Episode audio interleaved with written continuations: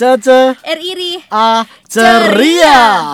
Yeay, akhirnya ya sudah panas untuk kesekian kalinya bahkan untuk satu episode dua kali ya. Betul sekali. Tapi aku senang bisa ketemu kamu lagi di minggu ini setelah beberapa minggu yang lalu kita ngebahas banyak hal.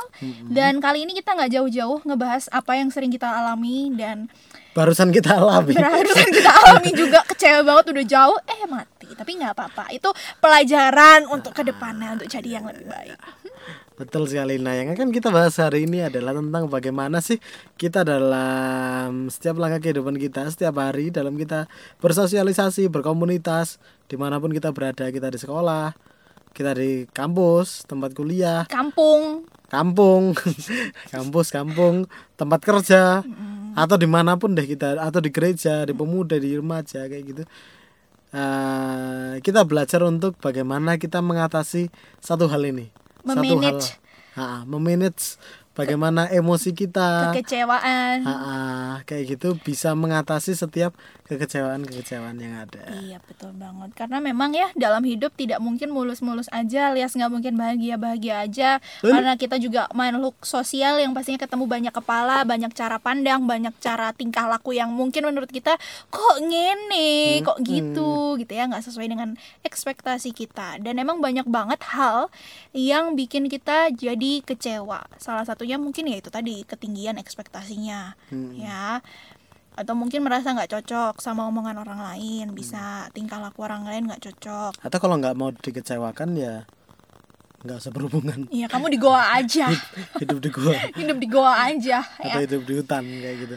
Tapi kita mengecewakan orang lain pastinya. Iya, gitu. karena kita meninggalkan mereka Nah, karena ada hati-hati iya oke yang harus Harus dijaga, dijaga. tapi kemudian kita Kita meninggalkan untuk tinggal di goa. mereka kayak gitu kan apa sih tapi bener ya mungkin hari ini kamu lagi mengalami kekecewaan atau mungkin kamu kalau nggak ngalamin kekecewaan ya materi ini disiapkan untuk kamu siapa tahu besok atau satu menit ke depan kamu lagi ngecas handphone nih sekarang terus ternyata nggak masuk.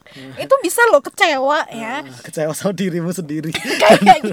dan dan kemampuanmu. Iya. bercanda guys.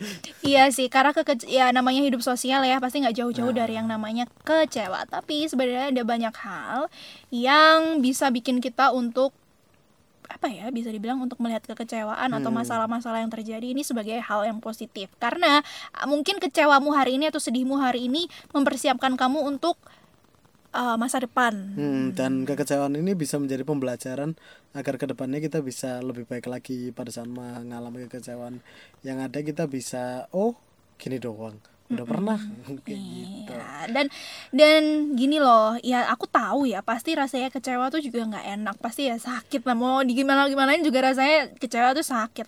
Cuman kamu memang perlu untuk menerima rasa kecewa kamu dan nggak menyangkal juga, nggak menyembunyikan rasa kecewa di balik senyuman karena kamu tahu kan kalau pura-pura itu butuh banyak tenaga. Aduh, apalagi nih. Iya. dan eh, dan ya itu tadi yang hal-hal yang bikin kamu kecewa diterima aja ya. Karena kalau kamu semakin menolak perasaan itu ya istilahnya terima rasa kecewa ini sederhananya adalah kita memang belajar untuk menerima kekecewaan itu kayak gitu. Makanya kan ada quotes itu katanya apa it's okay? To be not okay. kayak gitu. selain hanya menerima ya nggak cuma nerima nerima aja ya yang nggak ada gunanya juga kalau kamu cuma nerima nerima aja. Tapi memang perlu satu waktu untuk mengambil waktu untuk evaluasi. Jadi alasan-alasan apa sih yang bikin kamu hari ini kecewa?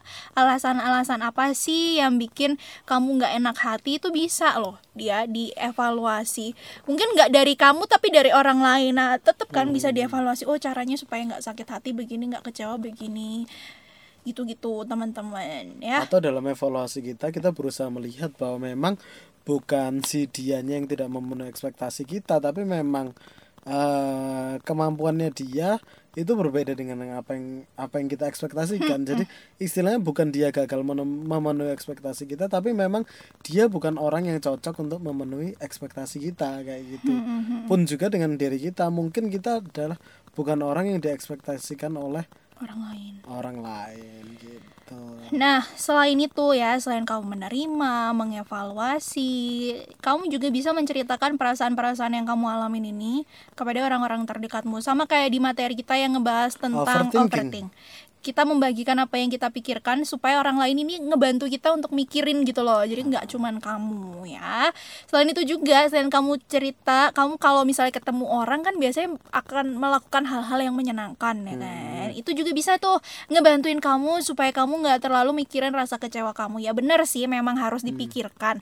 Cuman nggak yang sampai harus 100% kamu into that gitu loh. Yang sampai nggak punya waktu untuk hal lain. Nah, dan kalau udah bener-bener sumpah kita harus mencari pelampiasan yang bener juga. Kayak gitu. Pelampiasan kamu tadi kan kalau kamu cerita kan eh, makan es krim. Ah, betul sekali Terus selain makan, nulis. Ah, Ya, kamu bisa tuh baca tulisannya Esra. Berarti kalau misalnya kamu baca tulisannya Esra ya nggak jauh-jauh dari rasa kekecewaannya lah.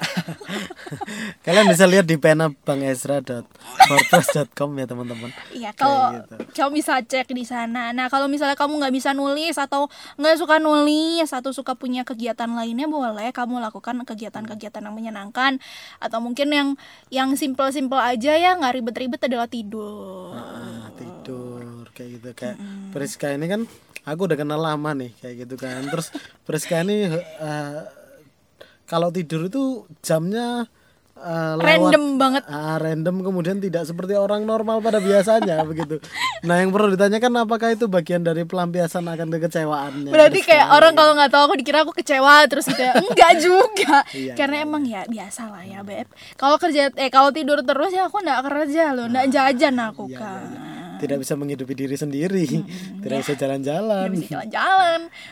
oke Nah, selain itu, kan tadi ya aku kan ngasih kita berdua ngasih saran Hmm. menerima rasa kecewa, mengevaluasi. Terus juga em, seperti menceritakan perasaan yang dialami Ya, ya, betul. melakukan hal yang menyenangkan. Sebenarnya kamu juga bisa nih em, melihat sisi positif apa yang terjadi. Ya, jadi kita bisa melihat bahwasannya kalau kita mengalami kekecewaan kayak gitu daripada kita memutuskan untuk merasakan kekecewaan itu terus-menerus, mending kita mengubah pikiran itu menjadi pikiran-pikiran yang positif kayak gitu. Maksudnya apa? Bukan semua hal negatif itu diubah menjadi pikiran positif, tapi lihat apa sih dampak positifnya kayak gitu. Jadi misalnya nih kita habis dikecewakan oleh si A atau si B kayak gitu. Kita melihat dampak positifnya eh, mungkin ternyata oh ini adalah cara Tuhan kayak gitu eh, cara Tuhan untuk mengingatkan kita bahwa oh orang ini mungkin tidak baik untuk masa depan kita atau untuk ya kehidupan kita lah kayak gitu. Intinya dengan rasa kecewa itu bisa mempertajam dirimu lah intinya Betul ya. sekali. Dan jangan pernah ngerasa sendirian ketika kamu mengalami kekecewaan. Karena nggak cuman kamu, teman-teman yang mengalami kekecewaan karena ada Tuhan yang bersama-sama dengan kamu sama seperti yang ada di tulisan Yesaya 40 ayat 29 sampai 31. Ha-ha. Dia memberi kekuatan kepada yang lelah dan menambah semangat kepada yang tiada berdaya. Orang-orang muda menjadi lelah dan lesu dan teruna-teruna jatuh tersandung tetapi orang-orang yang menanti-nantikan Tuhan mendapatkan Kekuatan baru. Oke, mereka seumpama raja wali yang naik terbang dengan kekuatan sayapnya, mereka berlari dan tidak menjadi lesu, mereka berjalan dan tidak menjadi lelah. Jadi seperti itu janji yang Tuhan berikan bahwasannya Dia akan memberikan kekuatan menjadikan kita orang-orang yang the best lah kayak gitu. Dan dari ayat ini aku kayak sadar bahwa di sini ditulis orang-orang muda menjadi lelah dan lesu yang artinya kamu ketika merasa kecewa itu tuh wajar. Even kamu masih muda karena di sini juga ditulis orang-orang muda menjadi lelah dan lesu, teruna-teruna jatuh tersandung. Jadi yang kecewa tuh nggak cuma orang besar ya. Ya, Semua orang orang orang segala se- ekspektasinya. itu bisa juga kecewa. Jadi kamu tidak perlu menyangkali rasa kecewa kamu, terima rasa kecewa kamu, terus juga evaluasi. Selain mengevaluasi, kamu bisa melakukan hal-hal positif lainnya untuk menenangkan pikiran kamu. Kamu bisa ketemu sama orang-orang yang kamu percaya. Betul. Dan intinya adalah kita harus belajar percaya bahwa dalam setiap kekecewaan-kekecewaan yang kita hadapi itu adalah bagian dari proses hidup yang harus Kita kita hadapi. Thank you. Bye bye. Nah, semangat terus ya.